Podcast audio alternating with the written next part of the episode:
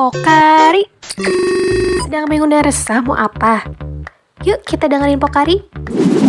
The show will begin in 3, 2, 1.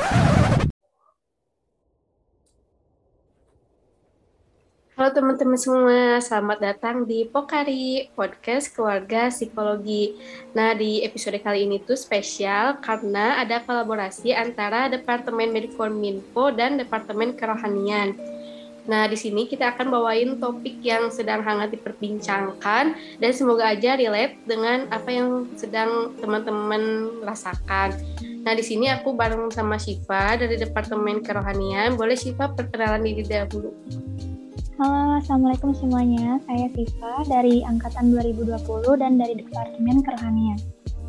Oke, salam kenal ya Siva.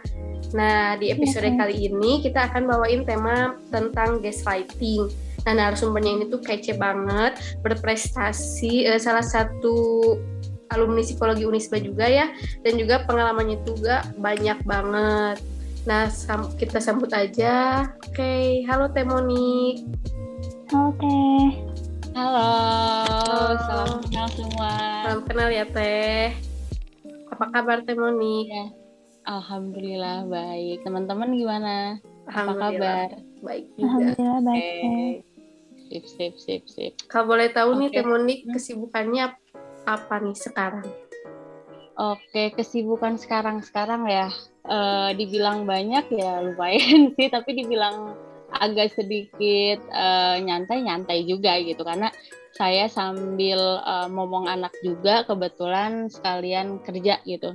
Jadi memang kesibukannya sekarang selain uh, bantu-bantu klien uh, ada jadi dosen pembimbing juga kebetulan dan jadi ibu rumah tangga sih. jadi itu paling kesibukan yang palingnya ibu rumah tangga sebetulnya. Keren okay. banget ya. Ya, kalau teman-teman kesibukannya selain BEM apa nih? Kuliah. Paling kuliah doang sih. Oh, kuliah aja ya? Ya, kuliah. Iya. Iya sih. Sama sekali magang, magang tapi enggak okay. apa enggak intensif. Oke, oke, oke. Tapi uh, berarti ini uh, podcast yang keberapa kalau boleh tahu? Ini tuh buat episode 14 deh. Oh 14, yang ke-14 ya. Semoga uh, dengan kita ngobrol-ngobrol sekarang, teman-teman juga jadi lebih teredukasi ya tentang gaslighting, terus juga teman-teman jadi lebih aware sih terhadap mental health. Iya. Iya, amin. Nah, teh uh, ngomongin topik yang mau dibahas nih, menurut Temonik sendiri, oh, iya. gaslighting itu apa sih teh? gaslighting ya hmm, banyak banget sih yang jadi perbincangan ya tentang hal ini apalagi beberapa kasus-kasus yang saya temui pasti berkaitan dengan gaslighting gitu sebetulnya apa sih gaslighting gitu sebetulnya kalau di psikologi artinya manipulasi ya eh, perilaku manipulasi tapi kalau untuk teman-teman biar lebih uh, lebih paham lagi bahwa gaslighting ini adalah perilaku untuk uh, apa ya istilahnya tuh uh, mendominasi si korbannya gitu.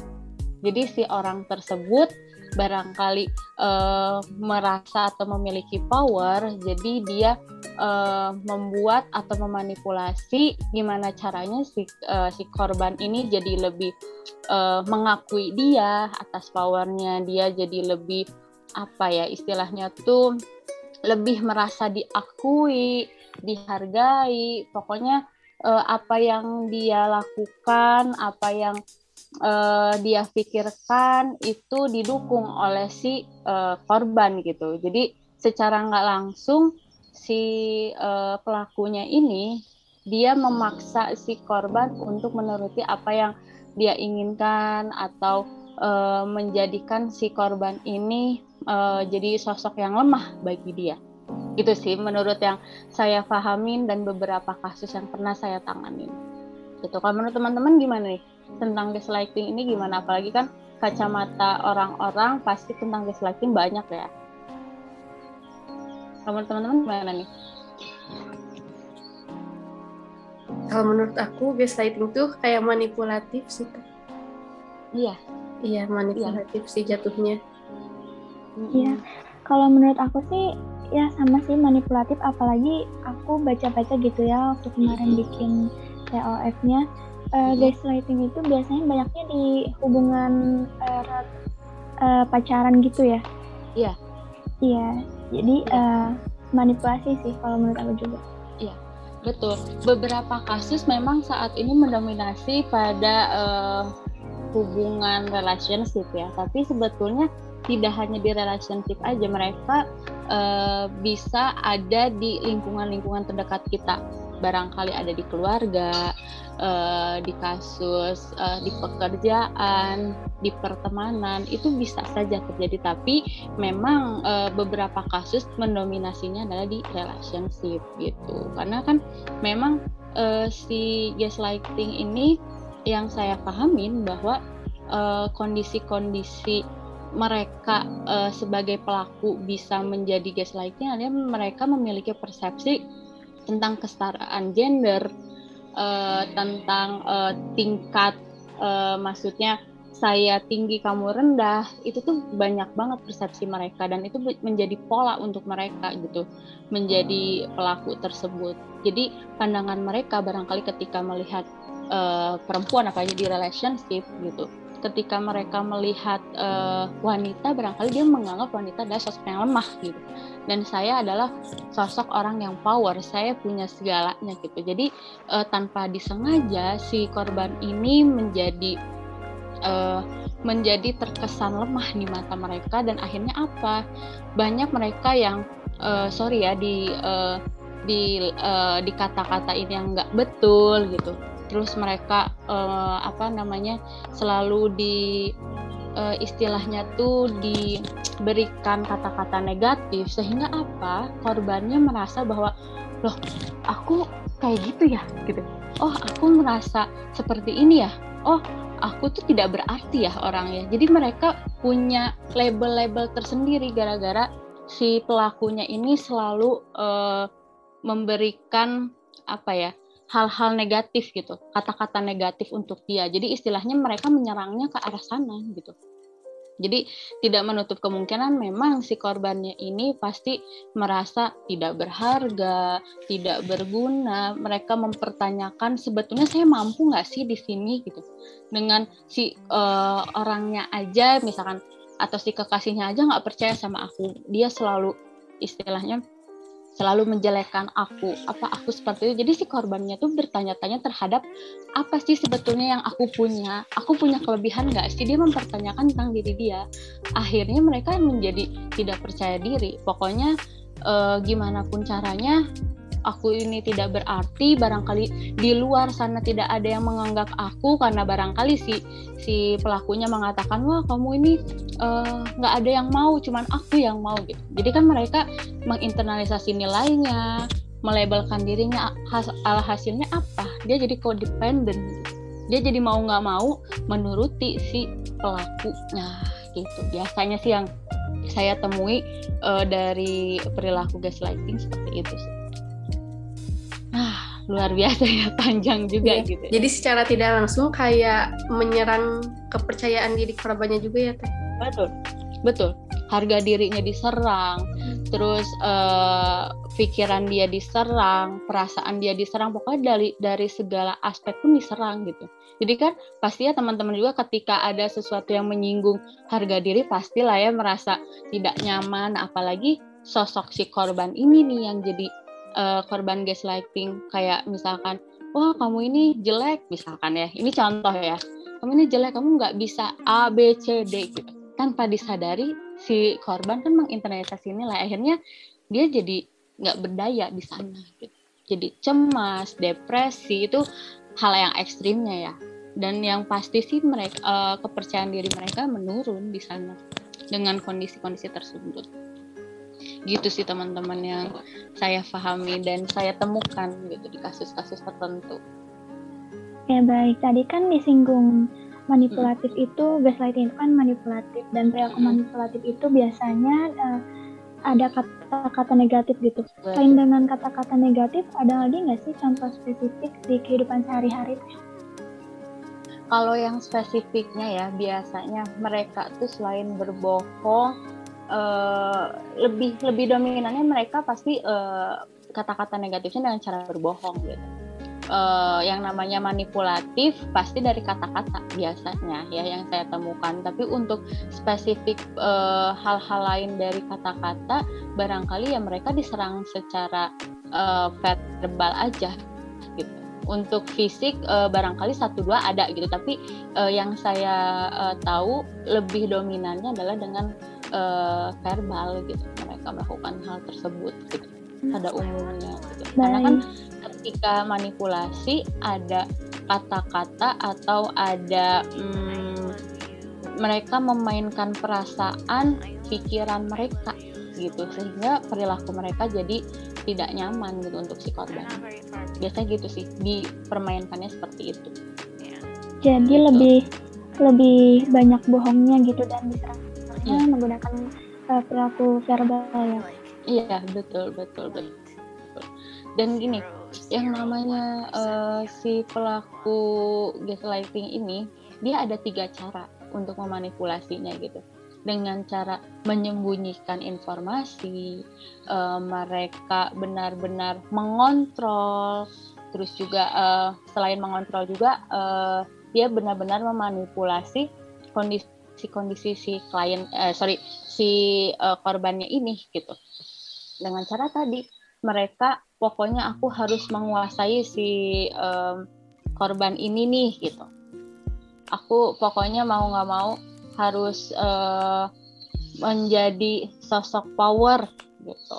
Atau enggak saya harus um, ini sorry ya sebelumnya ini ada ada suara-suara dari yang sedang bekerja di luar rumah jadi sorry kalau terganggu jadi memang uh, tadi baru sampai ada yang dia menyembunyikan informasi, terus juga dia mengontrol. Itu sering banget terjadi gitu. Apalagi yang menyembunyikan informasi, misalkan si uh, korban, misalkan uh, si eh si pelaku takut si korban tahu sesuatu sehingga dia apa? Dia seperti playing victim gitu. Dia um, istilahnya um, membalikan fakta apa yang terjadi gitu. Sehingga orang-orang melihatnya bahwa si korban lah yang salah. Nah selain itu uh, si uh, siapa? Si pelakunya ini mendominasi si si uh, korbannya dengan cara apa? Uh, yang tadi saya sebutkan codependency. Jadi mau nggak mau kamu jadi milik saya kalau di relationship kamu nggak boleh sama yang lain. Pokoknya kamu harus setuju atas apa yang aku pikirkan apa yang aku lakukan. Pokoknya kamu harus setuju gitu. Jadi istilahnya uh, dengan si uh, pelaku ini mendominasi si uh, korban dia merasa diakui dihargai uh, mereka uh, merasa bahwa dirinya benar dia mendapatkan pembenaran dari si korban ini di saat si korban tidak berdaya atas apa yang terjadi gitu. Biasanya itu sih ekstrimnya ya. Gitu sih. Lalu teh kalau yang melakukan gaslighting ini tuh ada gender tertentu gak sih yang mendominasi? Misalnya yang melakukan gaslighting itu kebanyakannya perempuan atau kebanyakannya laki-laki atau misalnya sama aja antara laki-laki atau perempuan juga. Oke. okay sebenarnya yang saya temukan ya uh, bukan di lapangannya secara yang saya baca. Jadi memang untuk uh, gender tersendiri nggak ada sebetulnya. Nggak. Jadi mau perempuan atau laki-laki nggak ada. Tapi zaman sekarang memang di kasus-kasusnya banyaknya yang mendominasi adalah kaum laki-laki gitu. Karena yang tadi saya katakan di sini mereka melihat uh, gender tingkat gender pokoknya laki-laki harus di atas perempuan jadi mereka merasa power di sana gitu dan barangkali eh, kayak tipe kepribadian pun bisa mempengaruhi gitu kayak narsistik kayak gitu atau sosiopat di mana mereka ingin diakui, ingin dianggap, ingin menunjukkan diri dia dengan cara tersebut gitu. Jadi terselubung gitu untuk menunjukkan hal tersebut gitu sih kurang lebih. Tapi teman-teman pernah nggak uh, kayak dapat eh, contoh-contoh kasus yang gaslighting di sekitar kalian? Kayaknya pernah sih teh, cuman mungkin uh, dulunya kayak gimana ya, kayak nggak relate gitu loh. Soalnya kan belum tahu mungkin, jadi kayak nganggapnya oh biasa aja kayak kalau ada perlakuan kayak gitu dari orang lain. Ya barangkali itu ya. Beberapa orang pasti nggak uh, sadar dia diperlakukan tapi ketika orang tersebut diperlakukan sering dia akan uh, merasa tidak percaya diri dan sebagainya gitu. Karena gini uh, kapan sih gitu kita uh, merasa di gaslighting gitu sama orang? Kapan sih uh, kita uh, waktunya aware di saat si kondisi tersebut berpola? Uh, istilahnya si korban ini selalu uh, mendapatkan kata-kata uh, negatif perlakuan negatif secara berkala dengan orang yang sama gitu. Sehingga apa? Akhirnya dia merasa uh, diri dia tidak berdaya. Aku harus bergantung ke siapa lagi sedangkan aku tidak berguna gitu. Nah itulah contohnya gitu. Apalagi kan zaman sekarang e, banyak banget ya apalagi kasus-kasus tertentu e, di mana e, pacarnya yang melakukan gaslighting gitu sehingga si cewek si ceweknya biasanya ya merasa bahwa dia tidak berguna, tidak berdaya. Akhirnya dia benar-benar depend aja ke si pelakunya tersebut dan pelakunya apa? Dia mendapat reward di sana, dia mendapatkan apa yang dia inginkan yaitu apa? Power. Dia merasa power dia diakui di sana, dihargai. Akhirnya dia mengulang terus dan menjadi pola yang sama. Gitu biasanya sih dari beberapa kasus yang saya temukan jadi pelaku juga dapat kepuasan ya teh kalau misalnya dia Betul. udah itu korbannya Betul, pasti. Pasti e, ketika perilaku tersebut terulang, dia mendapat reward, akhirnya apa? Dia mengulang lagi, mengulang lagi, dan dia ingin mendapatkan reward terus gitu. Dan yang kasihannya ya sebagai korban gitu, yang yang kita e, apa yang kita lihat bahwa ketika kita e, diserang harga diri, apalagi uh, rasa tidak uh, berdayanya kita, akhirnya kita menjadi tidak percaya diri dan ekstrimnya beberapa kasus mereka menjadi uh, depresi. Dia merasa bahwa oh aku rasanya ketika uh, semuanya menyerang aku dengan kata-kata negatif, aku tidak berguna karena aku jelek misalkan atau aku tidak pandai. Terus aku punya apa? dari mereka pasti berpikiran bahwa aku ke siapa lagi kalau bukan si pelaku? Atau enggak ketika mereka berpisah akhirnya apa? Si uh, korbannya ketika dia merasa tidak berdaya terus ditinggalkan frustrasi. Akhirnya apa? Depresi mereka. Itulah yang paling ekstrimnya terjadi gitu ketika gaslighting ini benar-benar merugikan orang benar-benar ini banget ya berpengaruh banget gitu Iya teh. itu. Ini rirat banget sih teh. Jadi uh, hmm. saya mau ada pertanyaan nih. Mm-hmm, uh, tadi tuh kan uh, diomongin kalau korban itu nggak nggak sadar gitu kalau dianya lagi di gaslighting dan uh, bisa disadari itu ketika dia menyadari adanya pola gitu.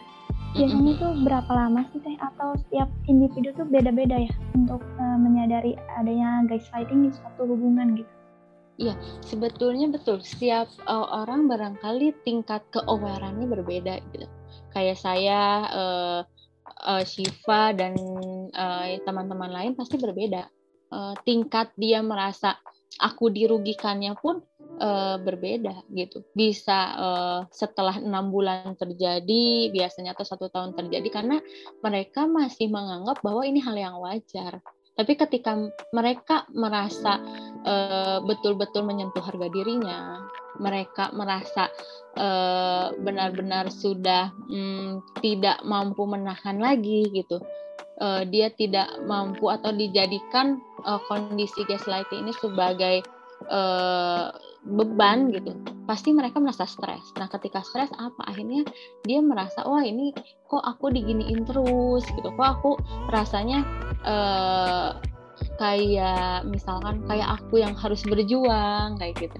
Tapi sedangkan ketika aku terus bersama dia aku selalu tidak dihargai. Gitu. pasti banyak pikiran-pikiran yang seperti itu yang terjadi. Kita tidak memungkiri bahwa uh, ketika pertama kali misalkan dia mendapat gaslighting yang tidak akan sadar itu masih wajar. Karena mereka belum ngeh gitu ya belum sadar belum aware bahwa oh ini saya kena gaslighting tapi kalau sudah berkali-kali dia dia uh, disuruh ini itu terus juga uh, si pelakunya membohongi dia playing victim terus juga hmm, apa yang dia sampaikan tidak dipercaya oleh si pelaku. Nah dari situlah barangkali seseorang juga merasa loh kok kayak gitu, pasti kayak gitu sih biasanya. Jadi butuh okay, waktu ya teh buat seseorang sadar gitu. Iya butuh waktu. Setiap orang berbeda-beda. Hmm. Tapi barangkali eh, dikatakan sudah cukup lama pasti lebih dari enam bulan sudah menjadi pola. Tapi kalau hmm. misalkan masih sebulan dua bulan tapi dia sudah mulai tidak nyaman gitu oh berarti memang um, istilahnya dia belum terbuka gitu karena kan gini yang namanya manipulasi pasti awalnya manis ya nggak kita nggak tahu kalau itu tuh ternyata manipulasi jadi si seseorang yang uh, melakukan gaslighting pasti awalnya dia memberikan uh, sosok yang wah keren banget, terus juga uh, bikin kita percaya gitu, bikin wah charming banget lah si orang ini tuh. Gitu.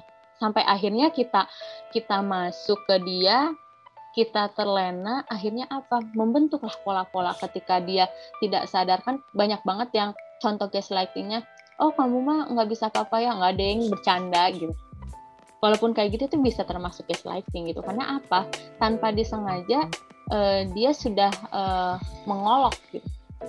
Inilah yang namanya strategi si pelaku untuk melakukan atau mengambil uh, hak si korban untuk uh, menjadi bagian dari fansnya dia lah gitu. Pokoknya kamu ke mana-mana harus sama aku. Pokoknya uh, aku ini punya power, kamu tuh berbeda dari aku. Biasanya sih kayak gitu. Baik, karena manipulatif uh, dan gaslighting sendiri itu awalnya manis ya teh. Uh, aku mau nanya lagi nih, gimana, sih uh, supaya kita bisa tahu indikasi seseorang itu akan berperilaku gaslighting gitu? Kayak ciri-cirinya biar kita bisa lebih peka dan aware gitu. Oke, okay. yang pertama, hmm, uh, ya, pertama kali biar kita aware adalah dia sering uh, memperolok kita di depan umum atau enggak dia memperolok kita secara pribadi gitu. itu yang pertama kalau di lingkungan relationship ya uh, terus kalau misalkan barangkali di keluarga akan ada kata-kata yang uh, menjadikan diri kita uh, label negatif misalkan tidak berguna tidak berdaya itu terus terjadi dari uh, apa ya kata-kata orang di sekitar. Barangkali kalau di ranah pekerjaan misalkan uh, kita melakukan sesuatu si orang atau si pelaku yang melakukan gaslighting adalah selalu membantah apa yang kita katakan dan uh, tidak percaya atas apa yang kita lakukan. Istilahnya ketika kita melakukan apa-apa enggak kok si orang ini nggak ngelakuin ini saya nggak lihat gitu jadi dia uh, berani memutarbalikkan fakta atau tidak dia um, istilahnya mengambil ide dari kita. Dalam arti kalau barangkali di tempat bekerja misalkan kita punya ide terus ide kita dicuri dan dia mengaku bahwa itu ide dia gitu. Dan gimana pun caranya ketika kita mulai berbicara kita selalu membantah sehingga apa? Orang lain lebih percaya dia nah dari situlah mulai oh ternyata orang ini melakukan ini kepada saya dan akhirnya apa ketika orang tersebut mm, merasa tidak diakui tidak dihargai si korban akan merasa tidak percaya diri dan dia tidak nyaman di kondisi tersebut itu biasanya yang uh, paling terlihat sebagai uh, ciri-ciri kita uh, atau si orang tersebut um, melakukan gaslighting. Lalu apa sih gitu. teh faktor-faktor penyebab pelaku ini tuh melakukan gaslighting? Oke, okay.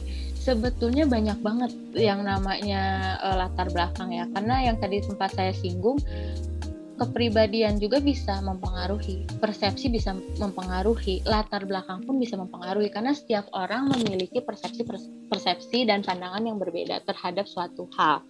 Misalnya kalau kita uh, jabarin satu-satu kalau dari kepribadian uh, ada yang namanya kepribadian narsistik atau sosiopat di mana mereka um, ingin uh, diri mereka diakui oleh orang-orang. Dia ingin eksis di sana dengan dengan cara uh, orang lain tuh tidak ada apa-apanya, hanya aku yang paling keren, hanya aku yang paling pandai. Itu biasa narsistik.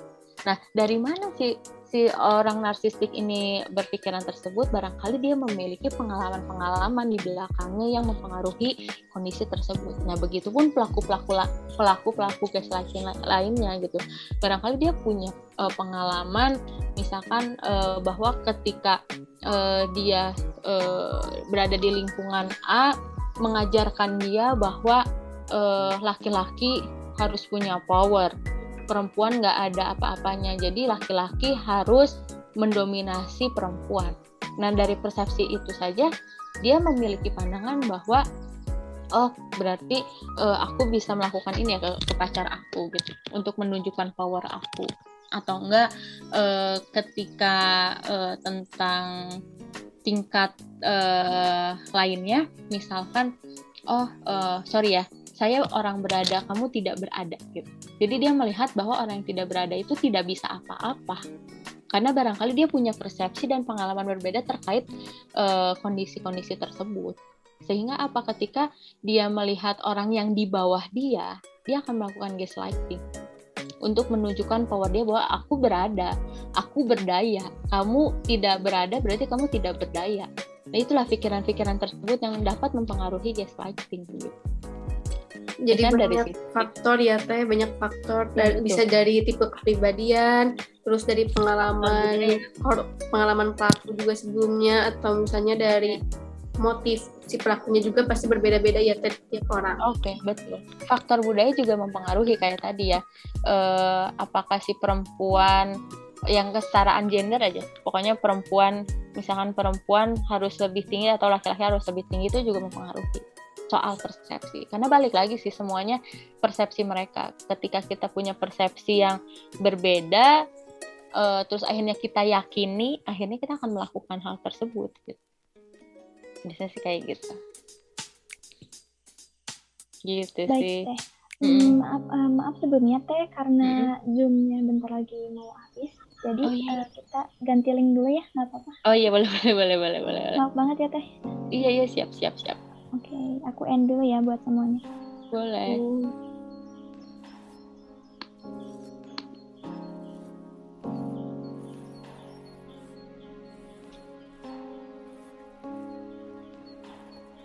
Oke. Okay.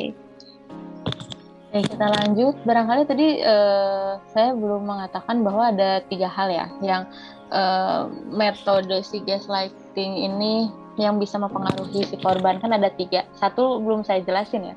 Yang pertama tadi dia menyembunyikan. Menyembunyikannya apa? Dia menyembunyikan informasi yang terkait uh, si korban biar korban nggak tahu gimana caranya aku harus menyembunyikan. Akhirnya apa? Dia memutarbalikan fakta. Nah yang kedua ini adalah dia mencoba merubah si uh, korban untuk menjadi apa yang dia inginkan.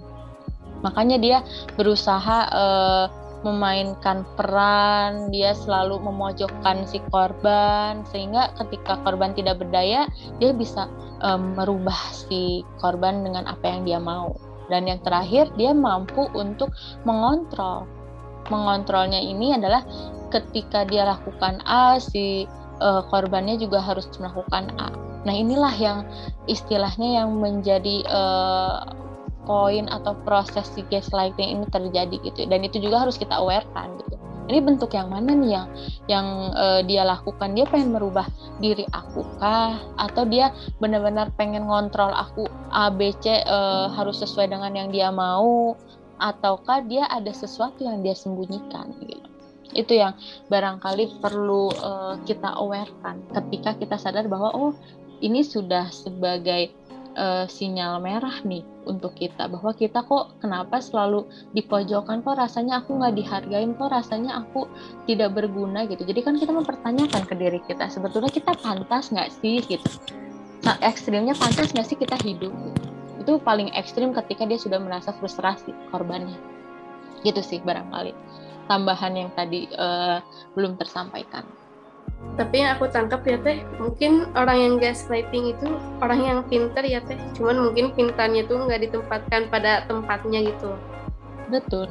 Kan uh, seperti kepribadian narsistik uh, sosiopat gitu dia memiliki IQ yang cukup tinggi gitu. Bagaimana caranya saya bisa memanipulasi? Dia mengetahui celah-celah mana yang harus saya masuki itu untuk bisa saya berdaya di sana gitu biasanya gitu sih mereka uh, menjadikan um, kelebihan mereka menjadi modal dia jadi seperti yang tadi saya katakan dia terlihat awalnya manis awalnya wah keren banget nih orang tapi uh, kita nggak tahu apa yang tersembunyi di sana yang harus kita lihat adalah polanya. Polanya akan sama. Ya seperti kita melihat pola yang tadinya polanya lingkaran, kita terus-terusan bertemu pola yang lingkaran yang sama gitu. Nah, itulah yang namanya gaslighting.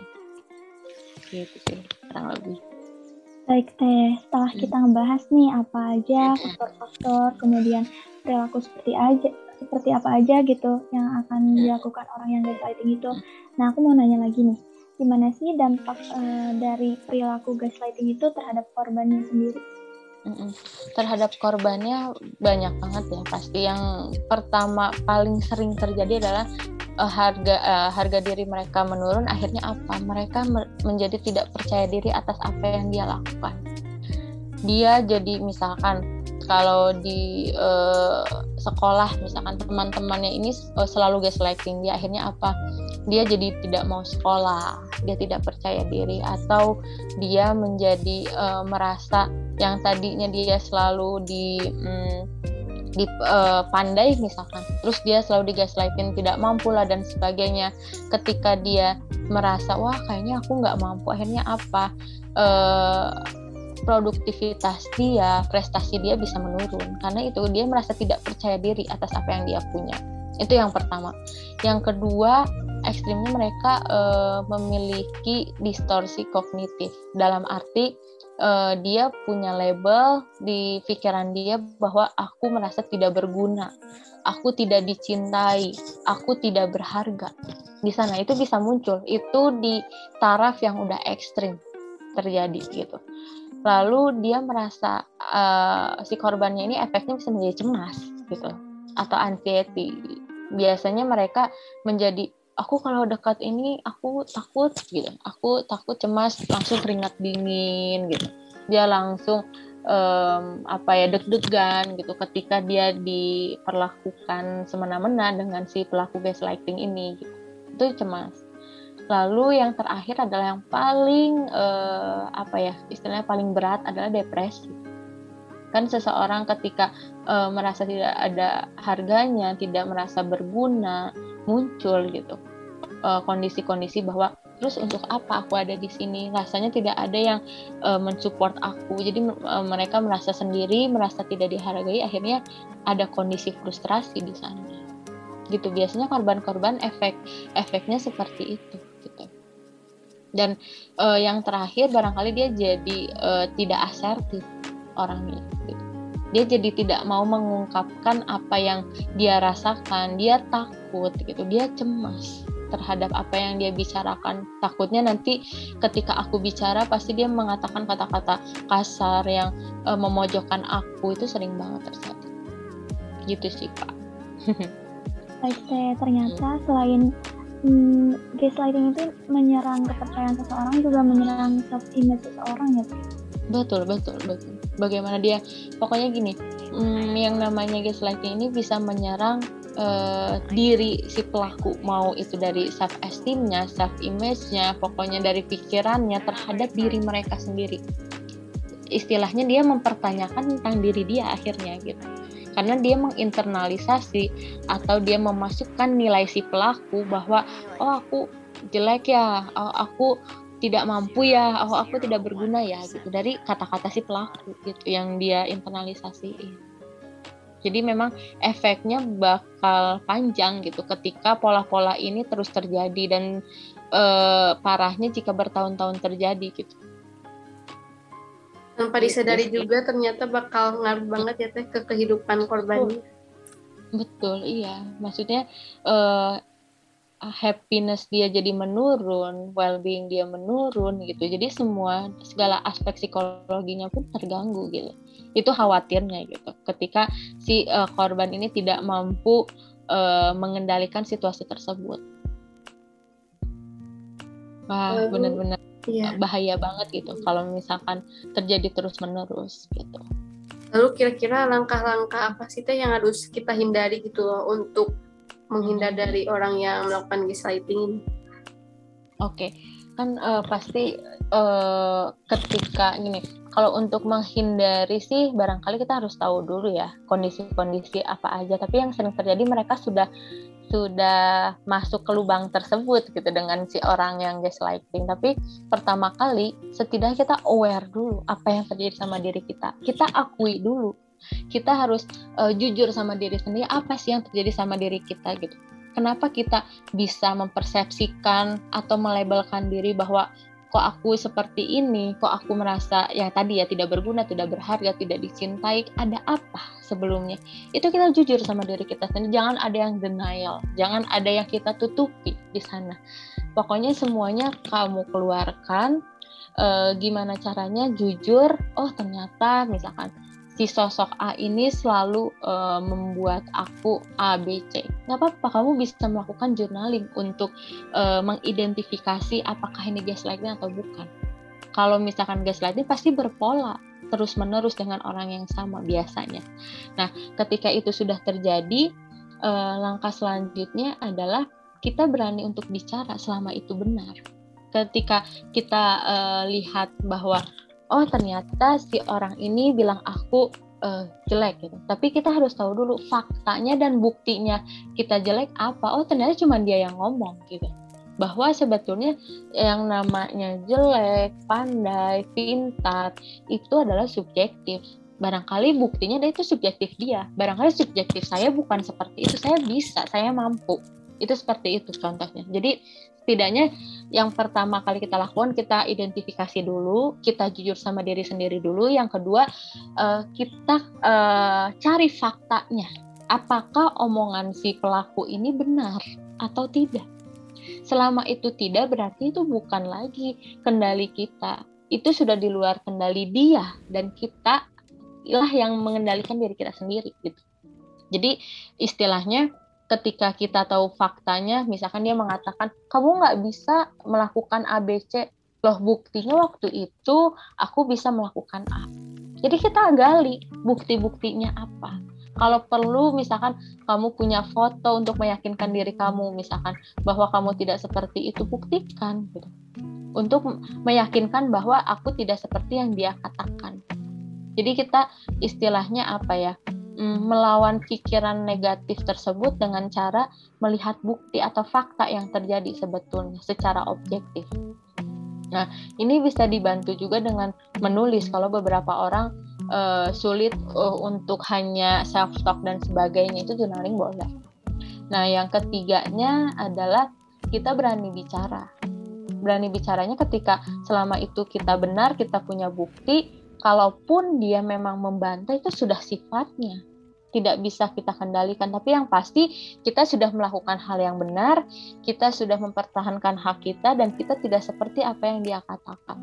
Jadi it's okay gitu ketika uh, kita uh, belajar untuk asertif belajar untuk ngomong oke okay, kayaknya bukan seperti itu menurut saya. Kalau masih dibantah oleh si pelakunya it's okay. Yang penting kamu sudah berbicara dan belajar asertif itu udah keren Oke, okay. lalu yang keempat cari uh, support system kalian. Gitu. Siapa? Temankah, uh, sahabatkah gitu. Untuk jika misalkan teman-teman uh, merasa bahwa ini sudah sinyal merah dan saya uh, semakin tidak terkendali, tidak terkendali nggak apa-apa untuk ceritakan kepada teman dulu. Ada support system kalian, walaupun hanya satu pun nggak apa-apa. Jika teman-teman merasa uh, aku kayaknya cuman uh, yang aku percaya cuma satu orang. It's okay nggak apa-apa. Nah lalu langkah selanjutnya jika semua cara dilakukan tidak efektif adalah datang ke profesional. Uh, korban-korban ini bisa datang ke psikolog untuk uh, menceritakan apa yang mereka inginkan. Mereka bisa uh, apa yang namanya uh, merasa aman di sana gitu. Karena memang kerahasiaan terjaga oleh psikolog gitu. Dan uh, mereka bisa tahu apa yang harus dia lakukan selanjutnya untuk actionnya gitu. Kalau semua cara dirasa kayaknya aku ini sudah di tahap tidak mampu mengendalikan. Is oke okay untuk datang ke profesional gitu. Nggak usah takut gitu. Kita akan terbuka untuk membantu teman-teman gitu yang merasa seperti itu. Gitu sih kurang lebih. Berarti butuh kepercayaan diri juga ya teh untuk menghindari ya. pelaku itu. Hmm. kepercayaan diri uh, yang pertama, yang kedua adalah kesiapan dan keyakinan bahwa kita mampu gitu. Kita mampu melepas semua ini gitu. Itu dulu aja modalnya karena uh, untuk membangun kepercayaan diri dan keyakinan diri itu butuh waktu. Itu oke, okay, itu butuh waktu nggak nggak dalam sehari mungkin uh, se, uh, misalkan si orang itu bagus-bagus syukur-syukur misalkan dia cepat gitu bisa bisa sekali uh, sehari langsung gitu. Tapi ada beberapa orang kan yang butuh waktu gitu. Kita harus hargain itu. Misalkan butuh uh, dua minggu, oke okay, gitu itu nggak salah gitu. Yang penting uh, korban tersebut atau teman-teman uh, gitu merasa bahwa oke okay, aku yakin ini aku tuh benar gitu. Aku sudah punya bukti. Aku sudah yakin bahwa aku tidak seperti yang mereka uh, bicarakan gitu. Ya udah, itu pelan-pelan akan muncul yang namanya resiliensi atau uh, bangkit bisa seperti itu. Oke baik dari yang saya tangkap dan saya rangkum nih teh. Jadi mm -hmm. untuk langkah-langkah agar kita terhindar dari gaslighting itu sendiri adalah mm -hmm. nah, yang pertama tuh jujur pada diri sendiri yang penting gitu biar kita juga bisa lebih peka gitu terhadap diri sendiri. Kemudian yang kedua kita gali bukti uh, gali bukti-bukti benar nggak sih yang pelaku omongin tuh terhadap diri kita kemudian yang ketiga setelah ada bukti-buktinya baru kita bicarakan karena selama itu benar kita harus melawan gitu teh biar uh, orang uh, seorang pelaku gaslighting juga nggak terus-terusan dikasih reward gitu sama korbannya. Yeah. Kemudian yang keempat, cari support system seperti teman, sahabat, atau keluarga yang bisa uh, membantu kita gitu uh, keluar dari uh, pola gaslighting itu. Kemudian jika dirasa nggak mampu tuh uh, sebaiknya kita ke psikologi gitu ya. Iya, ke profesional yang terdekat biasanya. Oke, okay, baik. Uh, setelah panjang lebar kita bahas semuanya, uh, boleh dong uh, Teh Monik uh, kasih nih kata-kata motivasi buat teman-teman kita yang pernah jadi korban, buat pendengar dan juga uh, siapa tahu uh, buat uh, yang pernah melakukan gaslighting itu sendiri. Oke, barangkali gini, uh, saya selalu meyakini satu hal dan menjadi bekal untuk saya sendiri. Gini, semakin kita terus memikirkan hal-hal atau harapan-harapan orang tentang diri kita, kita akan melewatkan proses kita untuk berkembang. Itulah yang saya selalu tanamkan ke diri kita sehingga apa? Fokuslah pada diri sendiri. Fokuslah pada apa yang kita uh, inginkan dan apa yang ingin kita kembangkan dengan potensi-potensi yang kita miliki. Gitu barangkali motivasi untuk teman-teman.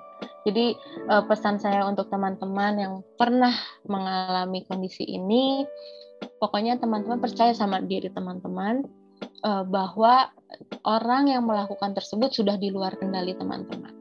Yang bisa teman-teman kendalikan adalah diri kalian sendiri. Karena uh, kunci dari kesuksesan, kunci dari um, kalian bisa berkembang, uh, kunci dari uh, kalian bisa sukses adalah diri kalian sendiri dengan cara percaya dan yakin bahwa kalian mampu melewati kondisi-kondisi tersebut. Dan begitu pun berlaku untuk korban-korban uh, selain gaslight, uh, gaslighting gitu. Untuk yang teman-teman merasa tidak nyaman dengan kondisi-kondisi yang sedang dialami. Gitu kurang lebih. Syifa.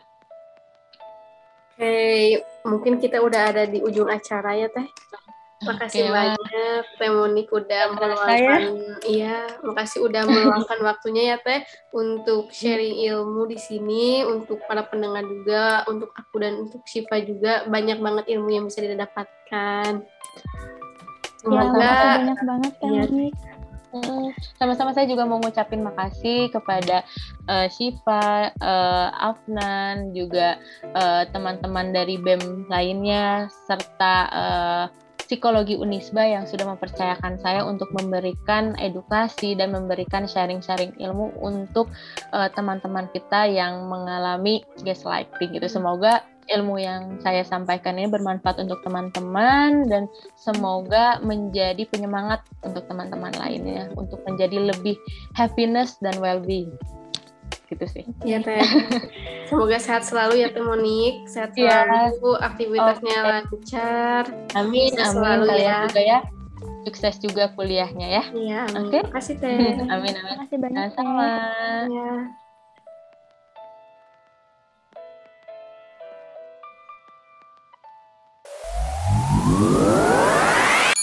Terima kasih kepada teman-teman yang udah nyempetin waktunya untuk ngedengerin podcast psikologi Unisba ini.